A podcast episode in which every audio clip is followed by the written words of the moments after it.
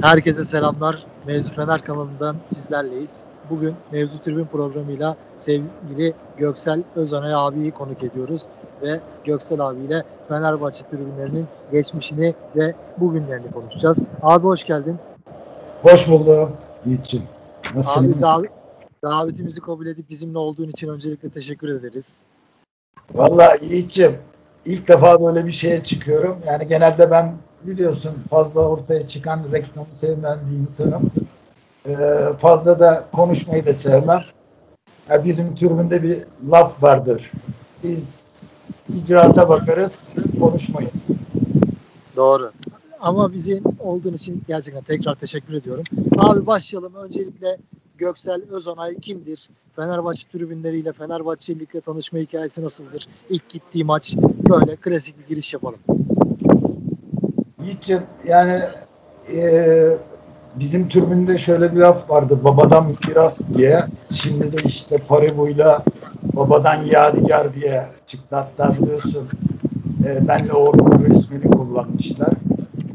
E, benim hakikaten Fenerbahçe sevgim babadan miras. Hatta babadan değil atalarımdan miras diyebiliriz. E, şöyle benim iki tane babamın büyük amcam amcamlar Haydarpaşa Lisesi mezunu. Haydarpaşa Lisesi de eskiden Fenerbahçe'nin kalesi. Ee, nasıl bir Galatasaray Lisesi varsa Galatasaraylıların Fenerbahçe içinde Haydarpaşa Lisesi çok önemli. Ee, bütün eski futbolcularımız orada olmuş ve şey olmuş. Ee, babam da bize miras bıraktı. İlk gittik. Ben 1966 Mardin doğumluyum. Mardinli bir ailenin oğluyum ama ana tarafımda e, İstanbulludur. E, ba- babamdan miras bu sevgi bana. İlk gittiğim maç 1972 yılında babamın görev yaptığında babam o zaman hakim, e, savcı pardon. E, 1972 yılında ilk Fenerbahçe yanlış hatırlamıyorsam ya Altay maçıydı ya Eskişehir maçıydı. E, onunla Fenerbahçe'ye tanıştık. Sonra 1977 yılında İstanbul'a babamın tayininden sonra Fenerbahçe tribünleriyle tanışıp öyle uzun bir serüven yani şu anda aşağı yukarı 44 senedir Fenerbahçe tribünlerinde hiçbir zaman bırakmadım. Onunla beraber gidiyoruz yani. Fenerbahçe'yle böyle geçti. Peki abi bu geçişi merak ediyorum. Devam edelim sorularımıza. Yani Fenerbahçe tribünlerinde maçlara gitmeye başladınız. Sonra öncelikle Sarı Lacivert Derneği'ni kurdunuz. Ve bu derneğin bize kuruluşunu anlatabilir misiniz? Ve Fenerbahçe'ye katkılarını. Yiğit'ciğim valla birazcık sesin iyi gelmedi ama Sarı Lacivert'le ilgili Aynen Sarı Lacivert Derneği'ni abi. Ee, Sarı Lacivert'le ilgili bir soru sordu. Ee, Sarı Lacivert Derneği'nin e, oluşumu 1996 yıllarına e, tekabül eder. Çünkü e, eski başkanımız Alişer 1996 yılında Fenerbahçe kulübünü halka açtı. Biz de o günün şartlarında yaşımız 30'lu yaşlarda olduğu için 30'lu 40'lı yaşlarda olduğu için kulübümüze üye olduk. Kulübe üye olunca e, Fenerbahçe'ye nasıl yararlı olma şeylerine gittik. E, ilk Sarı Lacivert Derneği ile uçak kaldırmak veya başka bir işler yapmak için bir resmi bir statümüzün olması gerekiyordu. Hatta 98 yılında Sayın Aziz Yıldırım Başkan olduğunda ESR türbünündeki kombineleri satın almamız gerektiğinde e, onu bir satmak için bir yer lazımdı. E, biz de Sarı Lacivert Derneği'ni kurduk. İşte hem türbüncülük anlamında hem de o günün şartlarında hala devam eden e, Fenerbahçe kongre üyeliğimiz için oluşum yaptık. O da Sarı Lacivert Derneği oldu. Peki kulübe şu an hala hizmet ediyorsunuz o dernekte tabii. Yani ben şu anda biz çoğu ilk kurucular olan arkadaşlarımız Sarı Lacivert Derneği'nde kalmadı. Çünkü dernekçilik bize göre birazcık şey geldi. Sarı Lacivert Derneği devam ediyor ama biz içinde değiliz. Anladım. Peki bu Sarı Lacivert Derneği'nden sonra biraz daha tribünün içinde tribüne katkınız olan görsel anlamda Kill for You grubunu kurdunuz. Oradan Kill for You grubuna geçiş nasıl oldu? Sarı Lacivert Derneği'nin içinde kurduk aslında biz Kill for You grubunu. Hatta e, şöyle e, 4-5-6 tane komite kurmuştuk. İşte Fenerbahçe sevgi sevgisini yayma da şeyi vardı. Grubu vardı. Bunun içinde kuruldu. 1996'da işte Galatasaray maçıyla beraber kuruldu. Galatasaray maçına bir organizasyon yapmamız gerekiyordu. İşte formalar yapalım dendi. O ara Galatasaraylılarda 8 kişi bir forma giydi. Ee, dediler ki Guy For'u yazdılar üstüne. Bizim arkadaşlarımıza Kill For'u yazalım. O zaman onlar seviyorsa biz de onların sevgisini şey yapmayalım diye. Ben hatta bayağı bir karşı çıktım ama bayağı bir tutuldu. Bundan sonra Sarı Lacivert Derneği bu Kill For'u formaları sayesinde kendini e, iki sene idame ettirdi. Bu ara çünkü kombine satışları çok yapmıyordu. Kendi içinde yapıyordu. Ama sonra Sayın Aziz Yıldırım başkan olduktan sonra e, biz gittik ESR türbünü 550 kişilik ESR türbününde o gün inşaat 14 tane yer satmıştı. Biz hepsini satın aldık. Ve 550 yerin hepsini sattık. Hatta ilave yerler aldık. Ee, ve Fenerbahçe türbünlerinde ilk defa kombininin bu kadar hızlı satılması başladı. Hatta ben şöyle bir şey söylüyorum. Sarı lacivert ve Kiliforyo'nun kurulmasıyla Feneryum'un ilk üyelerini de biz attık. O Kiliforyo formalarının satılması Sayın Başkan Aziz Yıldırım'ı birazcık cesaretlendirdi. O günün şartlarında Feneryum 1907 markası altında 1907 ee, derneğine aitti. Sonra Feneryum'u kurdu. Ondan sonra da işte türbinlerimizde Feneryum formaları çıkmaya başladıktan sonra Sarı Lacivert Derneği ve Kiliforyu hem Feneryum'un hem de kombinelerin satışını e, iyi bir şekilde organize eden bir kulüp haline getirmemizi sağladı bize. Bu şeyi de sormak istiyorum abi. Kill for you diyebiliyoruz biz ama zaman zaman kalplerinde Fenerbahçe'yi yaşatanlar da oldu. Sanırım kamuoyundaki köşe yazarlarının yazdığı yazılardan dolayı bir tepkiden dolayı mı oldu? Yok öyle bir şey değil. Yani ben başında da söyledim.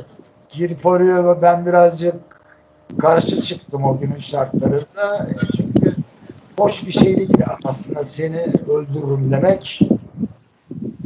Ondan dolayı bazen ev, kendi içimizde çelişkilere düştük. Kalbinde Fenerbahçe'yi yaşatanlar yapalım dendi. KFE olsun dendi. Yani daha kısa daha homojen şeyler. Hatta yani büyük bir ihtimalle soracaksındır. 1453 pankartında orada Kill yazınca insanlar birazcık yanlış anladı. Hani Fatih Sultan Mehmet öldürmek ama grubun adı Kill olunca Orada bize birazcık mesaj geldi. Yoksa biz e, köşe yazarları veya en büyük bizi eleştiren köşe yazarı Hıncal oluştu.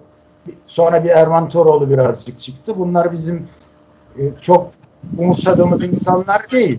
Ama dünya yani o pankartın yanlış anlaşılmasından dolayı kalbinde Fenerbahçe, KF'ye e, birazcık evrimleşmesi süreci oldu. Doğru. Peki diğer bir soruya geçersek yani geçmişte tribünler ile yönetimler arasındaki bağlar nasıldı? Bunu da merak ediyorum. Mesela şu an yönetimler kurumsallaşıyor ama tribün grupları veya işte tribün gruplarıyla yönetimlerin arasındaki ilişkiler aynı oranda gelişmiyor. Sizin o zaman nasıldı yönetimlerle olan ilişkileriniz? Valla şimdi ben dediğim gibi 1977 İnönü Stadı ilk Fenerbahçe maçlarına gitmeye başladım. O günün şartlarında insanlar büyük maçlarda sabahlardı, küçük maçlarda sabah erken giden bir bilet organizasyonu yoktu. Hepimiz giderdik, biletimizi sıradan alır, şey yapardık. Ama arada bir tabii e, amigolarımız, abilerimiz çünkü amigo den, denirdi büyüklerimize o gün inşaatlarında insanlar veya yöneticiler amigo derdi. Bir onlar da giderdi. Bazı isteklerimiz, taleplerimiz olurdu. Yani genelde cebinde para olmayan insanların talepleri olurdu. Çünkü e, bir o günün şartlarında bir Trabzon'a gitmek ben mesela Nihat Özbirgün'ün e, 1-0 yendiğimiz Selçuk'un attığı maçta Trabzon'daydım. Biz o günün şartlarında 15 kişi maça gidebildik. Çünkü paramız ona 15 kişiye yetiyordu. 15 kişi gittik. Bir yerde buluştuk. Maça girdik. Maçı galip geldik. Çok sevinçli olarak ben o zaman işte 14 yaşlarında falandım. İstanbul'a döndük. Eskiden genelde bir otobüsle ilgili yöneticilerle işbirliği olurdu. Ama yani hiçbir zaman Fenerbahçe türbünleri yöneticilere bir bilet talebinde bulunmadığı için daha özgürdü. Sonradan ne yazık ki bu kombine işleri çıktı. Biletler erken satılmaya başlayınca yöneticiler de bunu çok güzel kullandı. Tribünleri kendine bağlayabilmek için. Yalnızca Fenerbahçe'de değil yani bu. Galatasaray, Beşiktaş. Hatta ne bileyim yani Sivas Spor'da veya Rize Spor'da bile şu anda yöneticiler bilet alışverişleriyle ilgili taraftarları kendi içinde kendine yakın tutmaya çalışıyor. Hatta bırakın yani taraftar gruplarını dernekleri bile bir şey tutuyor. Yani Sarı Lacivert Derneği'ni işte kombine veya bilet e, işbirliği tutuyor. 1907 yani 1907 tamam zamanında bir, e, bir aileye yakın insanlar beraber olabilmek için oraya şey yapıyordu ama şu anda 1907 türbünü var. Oradan bilet almak istiyorsanız 1907'ye üye olmanız lazım. Doğru. Yani yalnızca taraftar anlamında değil. Anadolu'daki dernekler bile şu anda yönetimlerle e, iyi geçinmelerinin tek sebebi kendi mesela Adana Derneği Adana'ya Fenerbahçe geldiği zaman en çok bileti almak ister. Doğru. Yani anladın mı demek istediğimi? Her yani yalnızca taraftar grupları e, yönetimle iyi geçinmek istemiyor. Artık dernekler de istiyor. Yöneticiler de bunu çok iyi bildikleri için taraftarla yöneticileri e, kulübü en, iç içe entegre ediyor. Peki şunu da sormak istiyorum. Peki tribün grupları bir araya gelmeli mi sence abi? Veya tek Fenerbahçe içinden içinden söylemiyorum. Tüm Türkiye'deki mesela taraftar gruplarının bir haklarını savunması için veya bir isteklerini en azından daha resmi bir şekilde konuşması için herhangi bir makamla bir araya gelebilir mi sence? Bence gelemez. Ya çünkü e, bizler taraftarız. Onlar bizim karşımızda. Biz onların karşısındayız. Ama keşke gelse ama çok zor. Mesela Fenerbahçe içinde de gelemez. Çünkü hani lafın doğrusu şu bilet çıktı mertlik bozuldu.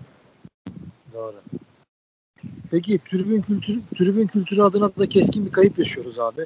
Bunun türlü türlü sebepleri var. Sen öz eleştiri yapmak istersen burada taraftar olarak taraftar grupları veya taraftarlar nerede hata yaptı sence? E, taraftarlar nerede hata yaptı?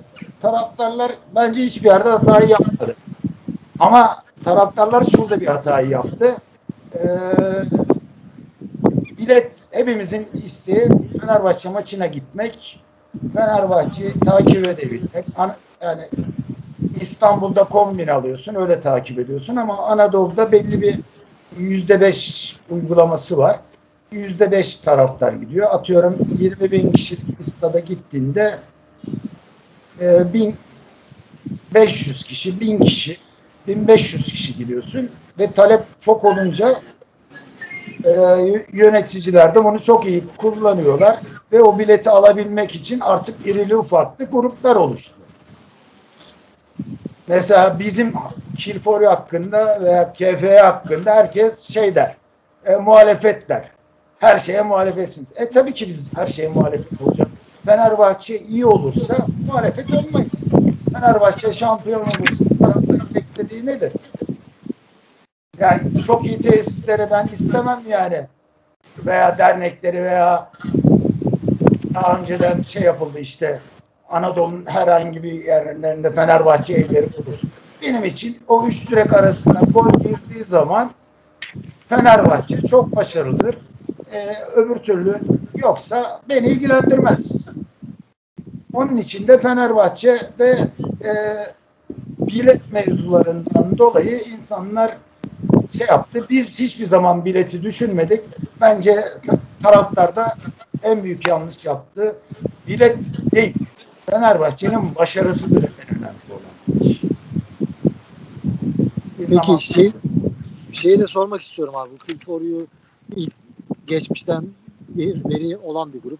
Sizin peki başkanlarla direkt ilişkileriniz nasıldı? Mesela özellikle ben son dönemde yaşım biraz da son dönemde tribünlere gittiğim için özellikle Kilfoyu'nun ve genç Fenerbahçelerin maraton E blokta yaşadıklarını biliyorum. Bileklik takıp tribüne sokulmalar gibi sıkıntılar yaşanmıştı.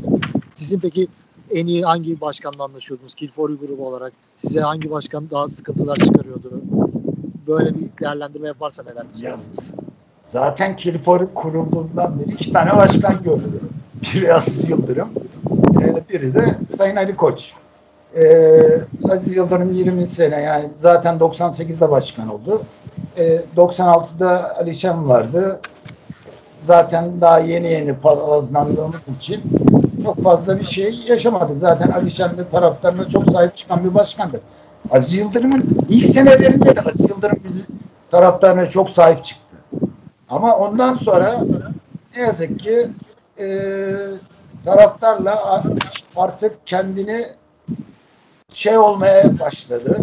Kendine ait taraftarlar olmasını istedi. E, rahmetli Sefa da zaten hiçbir zaman kendi başkanlara veya yöneticilere ait olmayı pek sevmezdi. Bazı koşullarda olurdu tabii ki. Çünkü niye? E, bilet almak zorundasın. Kendi arkadaş gruplarını maça sokabilmek zorundasın. İyi geçinmen lazım. Şu anda da Ali Koç var. Ee, Ali Koç da şey iyi geçiniliyor ama başarı geldikten sonra Ali Koç yani Aziz Yıldırım da yani, tribünlerin arasındaki en önemli hadise başarı geldikçe Aziz Yıldırım kendini daha işte geçen günde söyledi zaten ben Fenerbahçe'yim demekti. Ben Fenerbahçe değilim. Ben Fenerbahçe taraftarıyım. Her Fenerbahçeli kendine göre. Geliyor mu sesim? Geliyor abi geliyor. Yok bir şeyler oldu da dur bir dakika. Buralarda ee, yani Ali Aziz Yıldırım da da, da iyi geçiniyor diyordu. Ama başarı geldikçe Aziz Yıldırım kendi yarattığını hissettiği için kendi arasında taraftarla bir çekişme içine girdi. Bugün Ali Koç da iyi geçiniliyor ama yarın başarı geldikçe inşallah başarı gelecek. Başarı geldikçe Sayın Ali Koç'un nasıl davranacağını o zaman görürüz. Doğru. İlk şey dört senesi Aziz Yıldırım muhteşem taraftar grupları için. Her dediğiniz oluyordu. Peki şeyi sormak Kendi istiyorum. hatırlarsın. Evet evet. Peki Fenerbahçe tribünlerinin geçmişteki tezahürat söylemesi, stat atmosferi oluşturmak. Sizin özellikle sabahladığınız dönemlerde de veya işte İnönü Stadı'nı tribün kapma günlerinde sabahladığınız günleri de ben biliyorum. Yani Kilfori grubu da o günlerin içindeydi. Özellikle Volkan abiyle de bunları konuşmuştuk. Peki tribün atmosferi açısından tribünde tezahürat söyleme bakımında veya o, o günlerle bu günler arasında ne farklar var? Ya valla şimdi tezahürat konusu benim e, Volkan'ın da zaten en büyük yarasıdır. Benim de en büyük yaramdır. Ama bizim ne yazık ki genç kardeşlerimizin e, biraz daha arabesk sevmelerinden dolayı türbünlerde arabesk şarkılar daha fazladır. Ben bir İngiliz e, taraftarı hastası olan bir bireyim. Onlar gibi tek vurgulu, tek sesli şeylerin olması. Mesela bizim zamanımızda eskiden öyle çok fazla şarkı türkü yoktu. İşte Kanaryasın sen bizim canımız veya Fener Mener diye bağırırdık. E, hatta 45 dakika hiç susmadan aynı tempoyla şeyler bağırırdık. Tezahüratlar bağırırdık ama şu anda sesimizi yoran arabesk türkülerden, şarkılardan çok fazla da futbolcuyu da etkileyen tezahüratlar olmadığını düşünüyorum. Eskisiyle yenisi arasındaki en büyük fark zaten ülkemizle alakalı bir şey. Arabesk kültürüne doğru gitmemiz. Peki bunda Amigoların etkisini ne kadar görüyorsun abi? Yani atıyorum eskiden efsane Adnan dediğiniz Amigo kemik benim du- duyduğum en azından insanlar. Şimdiki Amigolardan bunda en büyük sorumluluk Amigoların mı şu anda? Amigoların değil. Niye Amigoların değil? Eskiden e, Amigolar orkestra şefiydi. Şimdi Amigolar e, hem grupların sözcüsü hem grupların başkanla iletişimi sağlayan insanlar hem türbünleri yöneten ve o bağıran insanların e, şeyiyle gider hareket etmesine bağlandı. Onlar ne bağırıyorsa amigolar da etraftaki insanları e, onlara uydurmaya çalışıyor. Ama esas amigoların şu andaki ama şeyleri yönetimlerle veya yöneticilerle veya başkanla gruplarının arasındaki iletişimi sağlayan insanlar. Peki biraz Eskiden daha böyle bir şey yoktu. Biraz daha Kilforu'ya tekrardan geri dönersek sizin özellikle unutulmaz işlerinizi de konuşmak istiyorum ben. Yani şeyler de var tabii mesela atıyorum tekneyle telegolü bastığınız olayı yaşayan insanlar da Kilforu grubu veya köprüden bayrak köprüden bayrak indirenler de Yani. Biz fazla reklamı sevmeyiz yani. Mesela 300 kişi İnönü stadına gittiğimizde Evet, onu, onu da sormak istiyorum abi. Sefa da bize destek verdi ama o, o ana kadar bizim o 40-50 arkadaşımız e, biz gidiyoruz dedikten sonra Sefa'da abi sizi biz yalnız bırakmayız. Biz geliyoruz. Öyle 300 kişi gidip yani asılma derken biz bir şeye karşı çıktık. Valilik uygulamasına. Keşke bugün de e, yani yarın bilmiyorum ne zaman yayınlanacak. Yarın Adana Demirspor maçı var. Keşke yarın da bin kişilik bir Fenerbahçe taraftar grubu Adana Spor, Adana Demirspor tribünlerinden çıkabilse. Bu Beşiktaş olur, Galatasaray olur, Trabzon olur. Yani ben çok Trabzon maçına gittim ama 10 kişi gittik, ama 3 kişi gittik, ama 5 kişi gittik, ama Şeref Türk'ünde gittik, ama kale arkasına gittik, ama maratona gittik. Gittik. Ama 300 kişi olsaydık çıkardık. Veya 200 Evet. kişi olsak çıkardık. Yani Kilfo- Kilforyu aslında bir grup ola- aslında ben bir grup olarak da görmüyorum da bunun öncüleri var. Öncüler bugün biziz. Yarın e, o tekneyi basan Erenler, Sonerler, e, Ademler. Öbürsü gün benim oğlum geliyor aşağıdan 25 yaşında KF, genç KF diye ama hiçbir zaman e, başka gruplar gibi olmadık. Ki, Kilfor veya KF bir ruhtur. Onu mesela ben rahmetli Sefa hep söylerdim. Sen şu anda genç Fenerbahçelisin. Yaşın ilerledikçe sen de bizim aramıza geleceksin. Sen de KF olacaksın. Ya bugün 18'de 35 yaşında olan bütün gençlik genç Fenerbahçelidir. 35'inden sonra yaşının verdiği olgunlukla, iş hayatıyla veya her şeyle 35'inden sonra insanlar Kilifori olacak, KF olacak. veya 40'ından sonra. Keşke mesela ihtiyar Fenerbahçeliler olsa ben 55 yaşında oldum. Oraya gidebilsek ama yok. Dürbüncü anlamında kendimizi öyle hissediyoruz. Ama ben 18-35 yaşında olsaydı eğer genç Fenerbahçeli olurdu. Bugün yani ne olur bilmiyorum. Yarın kara toprak oluruz. Ama kara toprağa girene kadar da o türbünlerde olacağız. İnşallah abi. Allah uzun ömür versin tabii ki de. Amin hepimiz.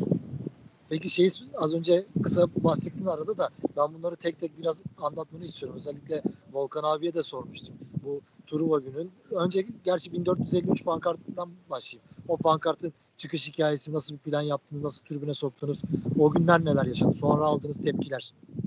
Valla genelde herkes biliyor ama yani ben şöyle bir şey söyleyeyim yani o pankartı gene bizim e, bazen bana kızıyorlar genç arkadaşlarımız diye.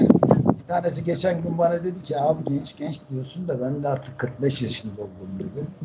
Ben de dedim ki o kadar oldun mu ya dedim. Evet abi de o günün şartlarında da 30 yaşındaydım ama bizim biz kendi yani bizim kendi aramızda gençler, ihtiyarlar ve evlatlar var.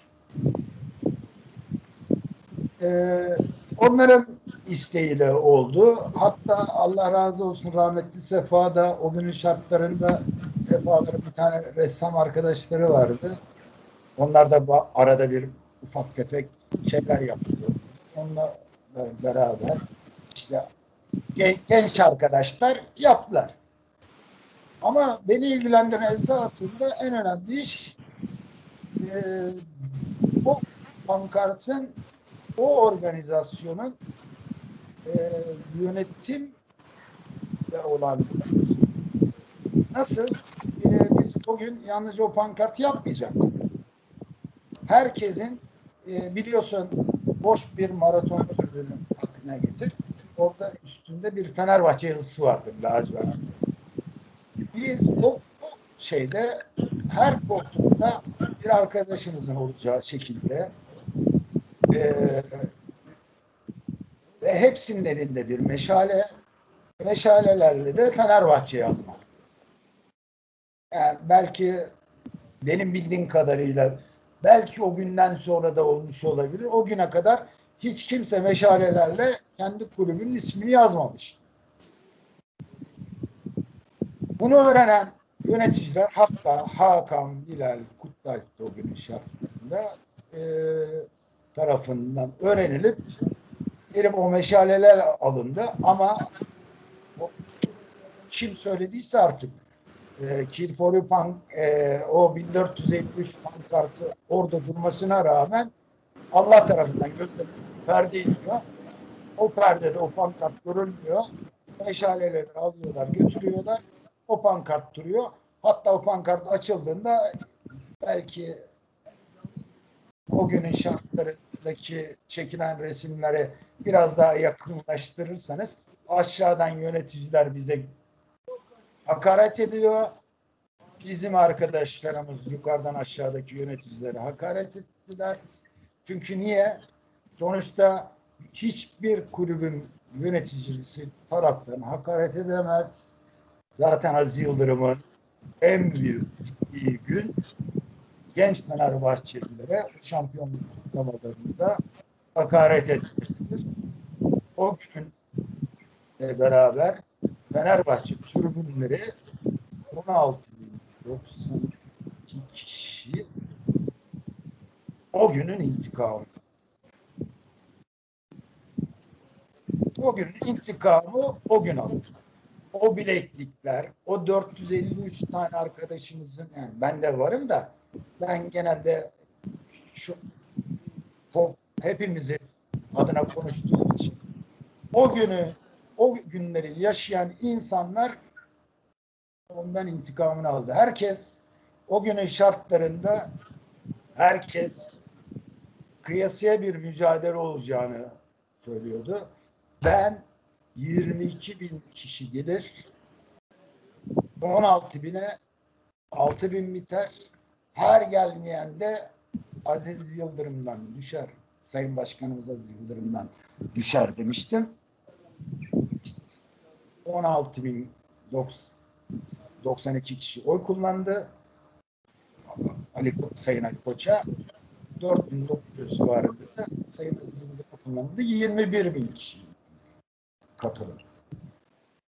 Ama o gün o 1453 pankartıyla başlayıp işte genç Fenerbahçelilere yapılan hakaret, benim arkadaşlarıma takılması, bizim arkadaşlarımıza biz taraftarız. Biz beğenmediğimiz insanları tribünlerde istifaya davet ederiz. Benim artı bir de bir kongre üyelik şeyim var. Beğenmediğim başkanı da sandıkta indir. Nasıl Sayın Başkanımız Aziz Yıldırım bundan önceki herkese taraftar taraftarlığını bilecek, kongresi kongreliğini bilecek dedi. Ama kendisi hem taraftar olarak hem de kongresi olarak gitti Çırağan Sarayı'nda Sayın Başkanımız Ali Koç'u eleştirdi. Ben isterdim ki o günün o o konuşmayı gelip o statta yapsın. O kongre üyelerine yapsın. Yapamadı. Bir de ben Fenerbahçeliyim dedi. Ben de Fenerbahçeliyim. Hepimiz bir Fenerbahçeliyiz. Ona bakarsınız. Kimse kimseden iyi bir Fenerbahçeli değil. Bu Pepe Metin'in sözüdür. Kimse kimseden daha iyi bir Fenerbahçeli değildir. Eğer biz Sayın Başkan Ali Koç'u beğenmiyorsak buna karşı kongrede çıkarız, aday oluruz. Veya geliriz, oyumuzu kullanırız, vet veririz. Keşke Sayın Başkan Aziz Yıldırım Çırağan Sarayı'nda bu konuşmaları yapmayıp gelip Sayın Başkan Ali Koç'a karşı aday olsaydı o zaman kimin kimden daha Fenerbahçeli veya ben Fenerbahçeliyim diyen başkanımız kaç oy olurdu görürdük. Yani hepsi birbirine karıştı ama Fenerbahçe'de kongresi de taraftardır. Taraftar da kongre üyesidir. Hepimiz Fenerbahçeyiz. Hepimiz ben Fenerbahçeyiz diyebiliriz ama en önemli iş biz Fenerbahçeyiz diyebilmektir. Doğru. Peki bu 1453 pankartından sonra biraz bahsettiniz de Truva günü de oradaydınız siz Beşiktaş deplasmanında. O gün neler yaşandı? Volkan abiyle konuştuğumda yönetimle de herhalde bir konuşmalar geçmişti. Gitmeyin falan. Herkes siz kendi imkanlarınızla bilet almışsınız. Tek tek o şekilde bir grup oluşmuşsunuz. Sonra stadın orada buluşmuşsunuz falan. İkişerli, üçerli gruplarla stadı doğru gitmişsiniz. O günle ilgili neler diyeceksin sen abi? Ya vallahi o günle ilgili çok yani Volkan da söylüyor. Zaten arkadaşlarımız e, diğer türün grupları da gelmeyen, gelen, gelmeyen herkesin adına bir 300 kişi oraya. Hatta bizim arkadaşlarımızın çoğu dışarı çıkmadı. E, genç Fenerbahçeli arkadaşlarımız dışarı çıktı. O dışarıda keşke bir yönetici veya keşke bir kameraman olsaydı da bu arkadaşlarımızın o polis otobüslerine nasıl bindirildiğini herkes canlı görseydi. Bu üç- herkes orada Fener diye bağırılmasına baktı ama o dayak yiyen, darp edilen arkadaşlarımız da keşke herkes görseydi. Yani benim diyeceğim o. Biz oraya Truva Fenerbahçe için gittik ama çıkan bazı arkadaş, çıkmayan bazı arkadaşlarımız oldu. Çıkan arkadaşlarımızın nasıl darp edildiği, nasıl koridor halinde polisin arasından geçip nasıl yoklandığını hepimizin görmesini isterdim. O 300 kişiye Fenerbahçe tribünleri, bırakın Fenerbahçe tribünlerini, çoğu tribünlerin teşekkür etmesi lazım. Çünkü deplasman nasıl hakkımız diyorsak bütün kulüpler diyebiliyorsa, bütün taraftarlar diyebiliyorsa bu 300 kişinin üzerinden de Fenerbahçe taraftarına yapılanlar herkes tarafından eee lanetle anılması lazım. Pardon duyamadım. bir 31 Ağustos 1986 seninle konuşmuştuk. Eskişehir Spor Fenerbahçe maçı. Volkan evet. abiyle de konuştum. Seninle konuştuktan sonra Volkan abi de şey dedi. Bir kente karşı bir tribün dedi o gün. 25 yaralı, yüzden fazla gözaltı. O gün yaşananları sen anlatmak ister misin? Şimdi aslında yani çok yaşadığımız, çok olaylı maçlarımız vardı. Ama birebir benim yaşadığım ve birebir içinde olduğum hatta hayatımda ilk defa bir başkandan bir şey istemişim. Fenerbahçe tribünleri adına. Ee, inşallah zamanımızda vardır. Birazcık uzun anlatacağım. Ee, şimdi Eskişehir Fenerbahçe maçı zamanı benim Eskişehir'in Aydar diye bir tribünleri var. Aydar. O bir kahvedir. Kahvenin ismidir. Oradaki bütün insanların beraber olduğu bir türbündür. Oranın da yanlış hatırlamıyorsam rahmetli oldu. Orhan Orhan'dı galiba. Orhan abi amigosuydu. Onun da yardımcısı Suadiyeli Serap'tı. Biz de Şaşkın Bakkal'dayız. Bostancı Şaşkın Bakkal. O aralarda geçti benim geçtiğim. Ee, Serhat bizim yazlığa geldi. Dedi ki kardeşim dedi biz dedi ilk maç bu maç veya ilk deplasman maçı dedi ki biz dedi size karşı organizasyon yapıyoruz. Senden ricam bu maça gelme. Ben de dedim ki birebir yaşadığım için dedim ki bizim Fenerbahçe kulübünde hiç kimse beni gelmedi diyemez. Ben özellikle şu andan itibaren bu maçla ilgili e, bayağı bir çalışma yapacağım ve geleceğiz. O şehirdeki bizim karşımızda durabilecek bir insanları görmek istiyorum. Gelme gelme işte neyse maça yakın benim e, bizim liseden bir kız arkadaşımızın ablasıyla Tahsin Kaya'nın kardeşi Recep Kaya e, arkadaşlardı. Neyse ben onlara bahsettim. On, hatta bir arkadaşım daha var. İsmini söylemeyeceğim. Ee, onunla beraber gittik. Recep Kaya hiç unutmuyorum. Ben dedim ki böyle böyle böyle. Biz dedim Fenerbahçe için buraya gideceğiz. Siz de bize destek olacaksınız. Peki nasıl destek olacağız? Dedim ki otobüs söyleyeceksiniz. Tamam dedi. Kaç otobüs istiyorsun? 10 pardon kaç otobüs istiyorsun dedi. Tamam dedi biz dedi size dedi 10 otobüs veriyoruz dedi. Cebinden çıkardı. Şöyle bir balya. Ben dedim ki bu ne? Parası dedi. Dakika. Biz dedim ben hayatımda hiçbir yöneticiden hiçbir şey istemedim. Biz dedim sizden otobüs istiyoruz. Siz dedim bize otobüs şirketinin ismini verin. Biz gider oradan otobüslerimizi alırız. Yine Eskişehir'e gideriz. Neyse tamam dedim. O zamanlar işte Ulusoylar, Varan var, metrolar, cartlar, cırtlar yok. Bir de Gülhan Turizm. Git dedi, haremdeki Gülhan Turizm'den 10 otobüsünü aldı. Açık. Neyse biz gittik aldık otobüsümüzü çok taraftarımız olduğu için bir otobüste kendi paramızla şey yaptık. Buna da biz yani ben gene o kıla otobüslerimizde Neyse e, bizim şimdi eskiden böyle gruplar yoktu işte. Bostancı grupları, semtlerden gruplar vardı. Bostancı vardı, Kartal vardı, Pendik vardı bizim tarafta.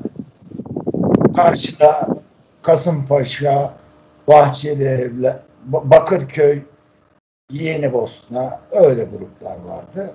Aksaray. Neyse dört tane otobüste onlar bindi. Onlar önden bastılar gittiler. Diğer 7 otobüste biz peş peşe gittik. Gittiğimizde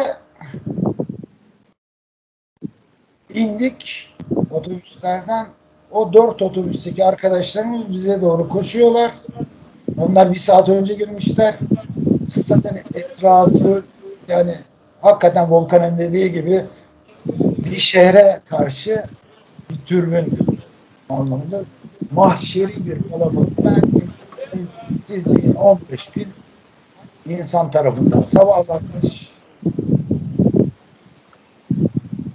Onlar bize doğru geldiler. Biz onlara doğru koştuk.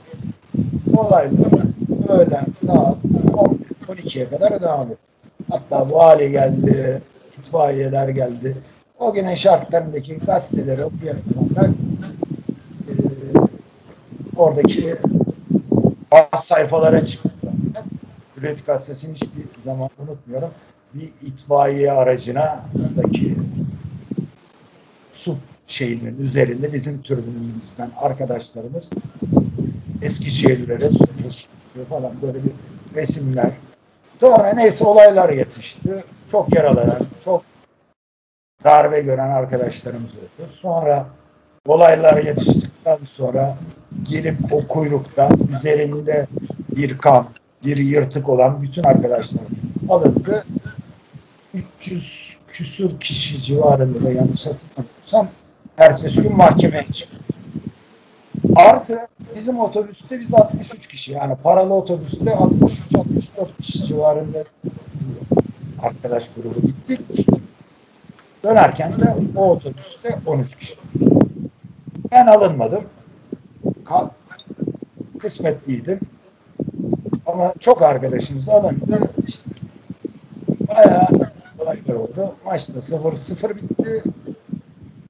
Ertesi gün arkadaşlarımız çıktı. Onları biz hepimiz ilahlar gibi karşıladık İstanbul'da. Yani çok şey anlatılır da anlatılmaz. Peki şey olayı da varmış galiba o maçla ilgili. Tahsin Kaya'da Tahsin Kaya'da işte onlar bizden değil biz göndermedik şeklinde bir açıklamalar da vardı galiba. Ya şimdi yöneticiler tabii ki o olayların üzerine öyle şeyler söyleyebilir ama ben biliyorum ki Tahsin Kaya'nın yaptı. Söylemeyeceğim. Tamam abi. Burayı o zaman şey yapalım. Peki artık programın da sonlarına geliyoruz da ben biraz daha şeyi de sormak istiyorum yani. Fenerbahçe tribünlerinde Sefa abi vardı. Sefa abi sonrası bir tribünlerde bir sıkıntı olduğu gözler önünde. Buradan rahmetle anıyoruz kendisini de tabii. Sen Allah Sefa abi, son, Sefa abi sonrası Fenerbahçe tribünlerini nasıl değerlendiriyorsun? Şimdi e, ben Sefa'yı kardeşim kadar çok seviyorum. Rahmet eylesin. Hatta çok zaman bizde de tartışırdık. Yani tartışırdık derken doğru yönde. Her zaman bana döner derdi ki abi bak biz sizi desteklemek için Aziz Yıldırımlarımız sizin yüzünüzden kötü oldu. Ben de derdim oğlum ya niye öyle değil. Zaten kötü olacaktı. Başarının gelmesiyle beraber Aziz Yıldırım kendi şeyini yaratacak derdim taraftarına. Hakikaten de öyle oldu. Ben İbrahim Gümüştekin'i de kardeşim gibi severim. Yani benim Fenerbahçe tribünlerinde sevmediğim bir kişi yoktur. Ama Sefa benim için özeldir. Çünkü e, Allah razı olsun. E, bizim kendi içimizde Fenerbahçe türbünlerinde sıkıntılar duyduğumuz özellikle o grup içinde yani çünkü şimdi biz belli bir yaştan sonra maraton türbünden numaralı türbüne geçtik. Sefalar maraton türbünün içinde devam etti. Ama onların aralarında bazı arkadaşlar vardı. Onlar bizi o türbünün içinden ayrılmamıza neden olan insanlar. Neden, ne, niçin olduğunu anlatmak istemiyorum. Çünkü ben Fenerbahçe tribünlerindeki o arkadaşlar şey yapmak istemiyorum. Kötü göz söz söylemek istemiyorum. Sefa bunların hepsini bitirdi. Türbünlerin içinde şey yaptı. Türbünleri tekrar eski günlerine getirdi. Tabii onu destekleyen arkasında olan eski türbüncü arkadaşlarımızın olduğu. Onların da isimlerini vermeyeceğim. Çünkü sevenleri var, sevmeyenleri var, yanlış anlayanları var, anlamayanları var. Ee, Sefa ile Sayın Başkan Aziz Yıldırım'ın arasının bozulmasından sonra ne yazık ki benim her zaman düşündüğüm işler döndü.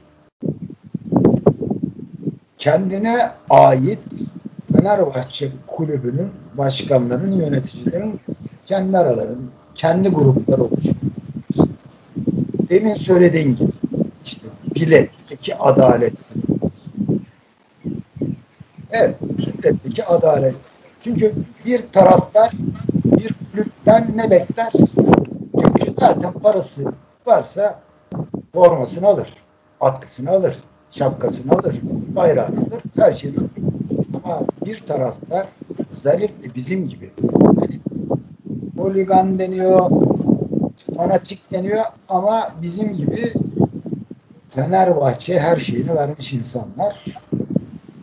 Fenerbahçe kulübünden tek beklentisi deplasmanda biletini bulabilmektir. Ha. Biletler erken satılmasın veya biletler kulüplere verilmesin.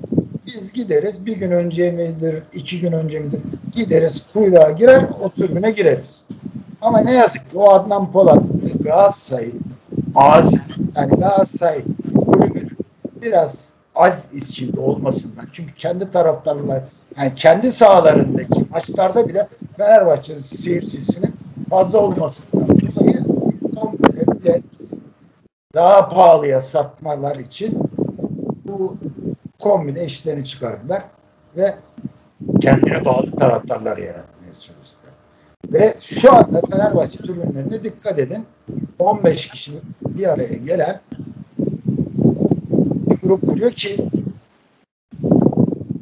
onlara da kızmıyor.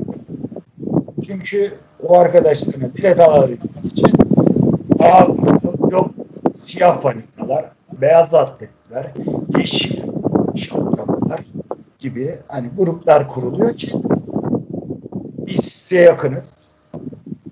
Siz de beraberiz. Kendi etrafındaki arkadaşlar bilet bulabilmek için onları da çok beslemek istedim. Yani artık yöneticiler kendine ait taraftarlar çıkartmaya çalıştıkları sürece bu işler olmaz. Çok fazla da konuşmak istemiyorum. Yani keşke Sefa yaşasaydı. Keşke hepimiz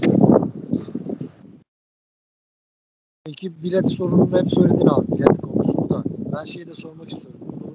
Biraz sesini yükseltir misin? Duyamıyorum. şeyi de sormak istiyorum abi. Daha önce bilet konusunu hep konuştuk.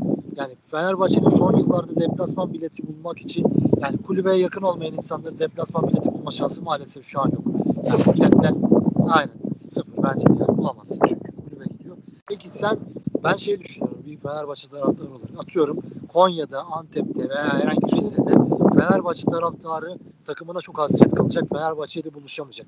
Bu bilet konusunda sence nasıl bir düzenleme olmalı? Biz Volkan abiyle de özellikle bu konuyu konuşurken ben şey diyordum yani özellikle deplasman biletleri o şehirde de bir yüzde elli, yüzde altmış o şehirdeki insanlara satılmalı bence. Ben öyle düşünüyorum en azından. Sen bu deplasman biletleri konusunda nasıl bir sistem olması gerektiğini düşünüyorsun? Yıllardır tribünlerde olup yıllardır deplasmana giden bir insan olarak. Şimdi e, bak hiç. Genel Fenerbahçe Spor Kulübü'ne e, organik bağ içinde olan yanlış hatırlamıyorsam 83 tane Fenerbahçeliler Derneği. Ve e, sayın yöneticilerimiz, sayın başkanlarımız bu derneklerle de iyi ilişkiler içinde. Özellikle Sayın Başkanımız Aziz Yıldırım zamanında biliyorsunuz bir temsilci üyelikleri kavram çıkarttılar. Ya kulübe işte o yönetimin içinde olanlar ya kulüp kongresi olacak ya da temsilci olacak. Tabii e, o günün şartlarında 10 milyar lira veremeyecek arkadaşlarımız 2 milyarlık temsilci üyeleri oldular. Hatta bir hedef vardı. 1 milyon hedef diye ben de Adem bunun kesinlikle olmayacağını çok iyi biliyordum. Ve olmadı. Ee, bu 1 milyon hedefin yani bu temsilci üyeliklerden sonra kulüple bu dernekler çok girif ilişkiler içinde başladı. Ve dediğim gibi e, Anadolu'daki mesela kendi şehrinin temsilcileri dernekler. Ama dernekler ne yapıyor? Kulüpten alıyor bileti. İsmi lazım değil. Hakkari olduğu Hakkari'de e, bir kulüp olmadığı için Hakkari özelinde bahsediyoruz. Hakkari Fenerbahçeliler Derneği alıyor. Ne yapıyor o bilette? Aldı atıyorum 10 liraya bilet. Derneğinin gelir getirmek için 100 lira yapıyor o bilet. Derneğine üyelik istiyor. O bileti vereceği insanlara. Değil mi? Aynısı Avrupa'daki dernekler için de geçer. 25 euroluk Gazi Alkmaar maçı biletini o bölgenin derneğinden 225 euroya satıyor. 25 euroya kulübün sattığı bilet.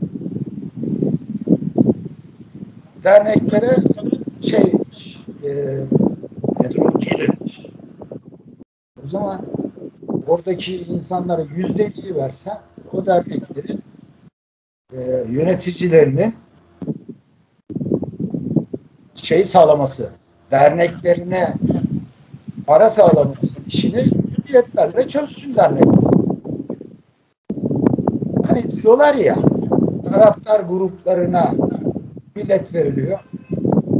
E bu dernekler de yöneticilerle iyi geçinerek kendileri bilet buluyor ama kendi etrafı, etrafındaki veya da cebinde parası olan. Yine taraftar izin. Yine taraftar izin. Gerçek taraftar izindi. Mesela şimdi ben kongresi. Biz Fenerbahçe kongresi son kongrede e, mekatların 500 lira olmasını karşı çıktık. Niye çıktık? Ben veremeyeceğim için çıktım. Benim arkadaşlarım veremeyeceği için çıktım. Hayır. Anadolu'daki ana, özel bu temsilci üyelikler için çıktım. Çünkü parası olmayan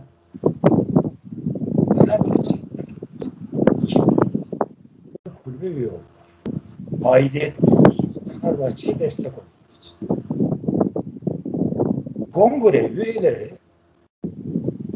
500 lira verirken temsilci üyeler de 500 lira veriyor. Aidatlarına. Hani hiçbir farkı yok. Nasıl 50 lira temsilci üyeler veriyorsa kongre üyeleri aidat veriyorsa kongre şey, temsilci üyeler de Dediler ki yok her ay cebinde 50 lira tutsun. Ya kardeşim her ay cebinde 50 lira tutsun. Ama bu adam zaten 500 lira her ay her sene 500 lira aidat verebilecekse bu insanlar 10 bin liraya da oldular. Kendi kendileriyle çeliştiler dernekler. Derneklerin çoğu da aidatların 500 lira olmasını istiyor. Ama biz dedik ki en az 250 lira olmak kaydıyla. Kimse kimsenin cebindeki parayı istemiyor. Madem Fenerbahçe 500 lira vermek istiyorsun ister 250 lira ver, ister 500 ver, ister 5000 ver, ister 15 bin ver. Ama Fenerbahçe bir halksa Fenerbahçe Türkiye'nin aynasıysa Türkiye'nin aynasına göre. Bakın Sayın Başkan Ali Koç geldiğinden beri e, 50 liranın üzerindeki para aidat arttırın diye e, çağrılarda bulundu. İster yok. Kaç kişi 50 liranın üzerinde aidat ödedi Sayın Başkanımız Ali Koç biliyorum. 3 sene boyunca ama bu derneklerdeki arkadaşlar lütfen beni yanlış anlamasın. Kendi ilçelerinde, illerinde parası olmayıp da Fenerbahçe'ye sırf destek olmak için temsilci olan arkadaşlarıyla 500 lira ödülleri için el kaldırdı. Keşke bu elleri o derneklerdeki arkadaşlar benim arkadaşıma ben zorla üye yaptım. Cebimde parası olmadan üye yaptım. Onlar nasıl 500 lira verecek diye çıksalardı. Çıktı dört tane dernek üyesi. Yok avukatlar derneği, yok Ankara bilmem ne, yok bilmem kim. Bin lira olsun, iki bin lira olsun. Ya kardeşim, olsun. Sen ver. Beş bin lira da ver, on bin lira da ver, bin lira da ver. Ama mantık şudur. 200 minimum 250 liradan olmak üzere aidatların ödenmesi. Ama şey olmadı. Gelelim buradan biletleri. Yani Volkan siz güzel düşünmüşsünüz ama o derneklere verecekler o yüzde elli bileti. O dernekler kendilerine gelir getirmek için 50 liraya aldıkları biletleri 500 liraya satmayan dernekler de olacak. Ama çoğunluğu oluyor.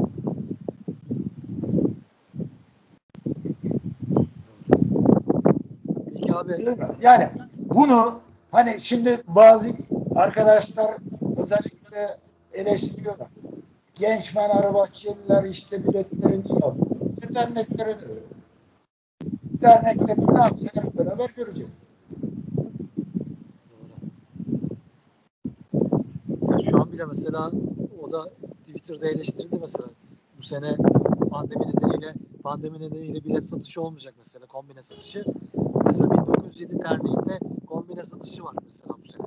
Onu da eleştirenler oldu mesela. Onlar niye kombine alabiliyor? Orası Tabii da işte bilet, orası da bilet olarak satılsaydı diyorlar o zaman. e, aynen. Orası da türbün değil mi? 1907 derneği bir dernek değil mi? E belki Sarı Lacivert Derneği'ne de bir kombine verdiler. Onlar da ev bloğu satıyorlar kendi üyelerine. Maraton ev bloğu. Doğru. Peki abi artık programımızın bir saati geçtik de şeyi de sormak istiyorum yani. Hep öne çıkan şeyleri söyledik. 1453 pankartı, Truva, sizin yaptığınız pankartlar, Kill for You grubunun. Peki senin söylemek istediğin, yaşadığın şu olay çok iyiydi işte, şu maç efsaneydi dediğin, senin kişisel olarak hikayelerin var mı? Söylemek istediğin. Valla ben sana başka bir şey söyleyeyim mi?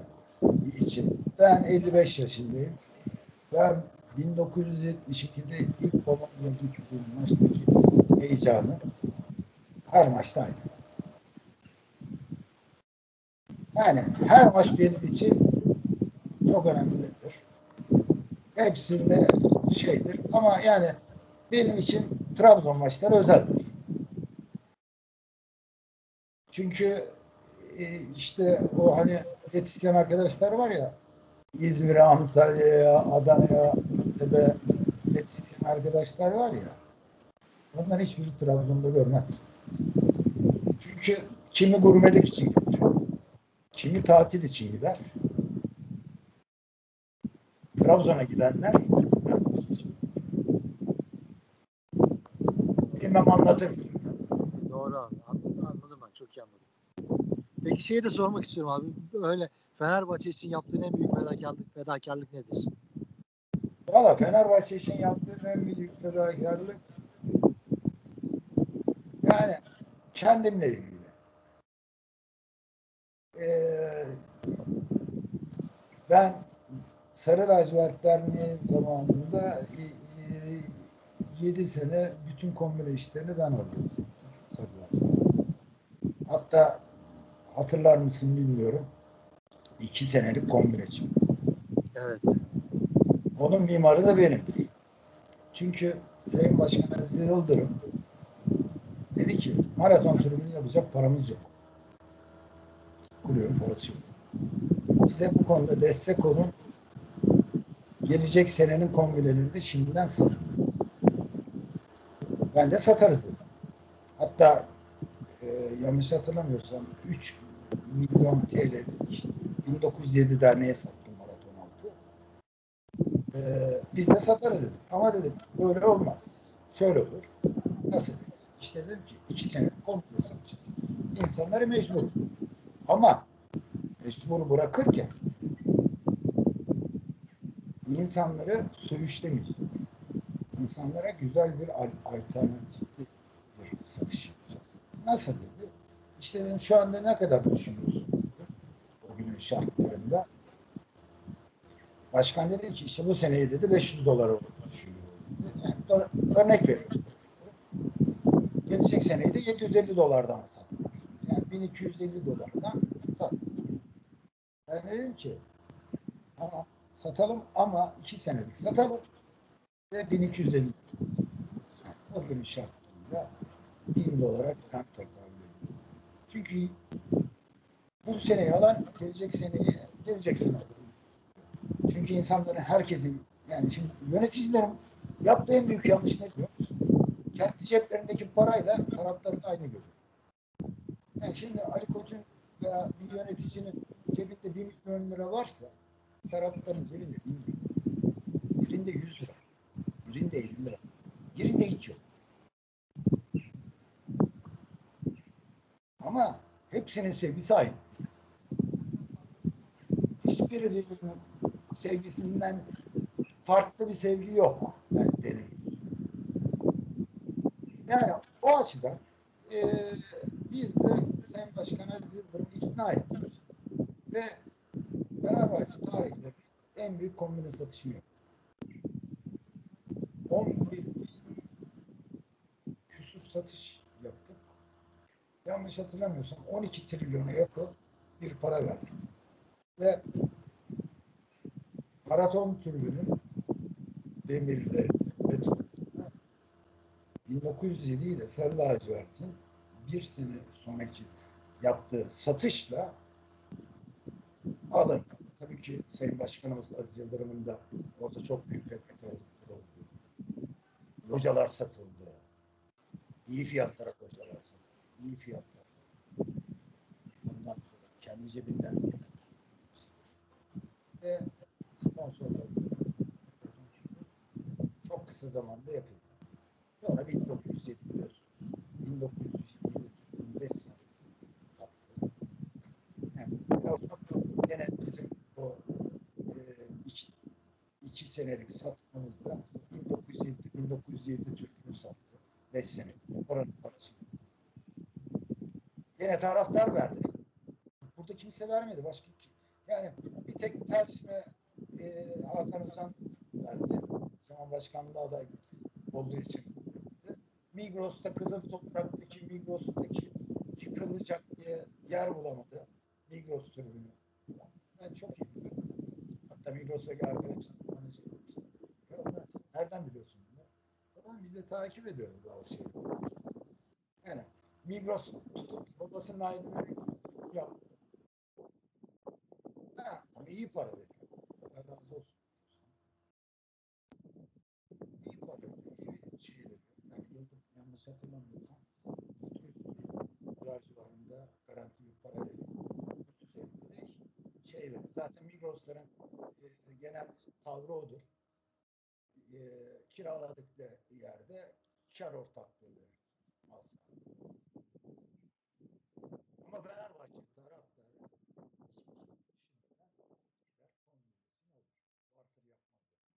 Canımız işte. Peki abi artık programın sonuna geldik. Sana çok teşekkür ediyorum. Peki son olarak Fenerbahçe taraftarlarına buradan ne söylemek istersin? Ben bana benim Fenerbahçe taraftarının bir şey haddim, hakkım olabilir mi? Ama Fenerbahçe'yi hiçbir zaman yalnız bırakmayalım. Bir de 40 bin tane teknik direktör, 40 bin tane taraftara dönüyoruz. Yani bırakın biz taraftarız, takımımızı destekleyelim.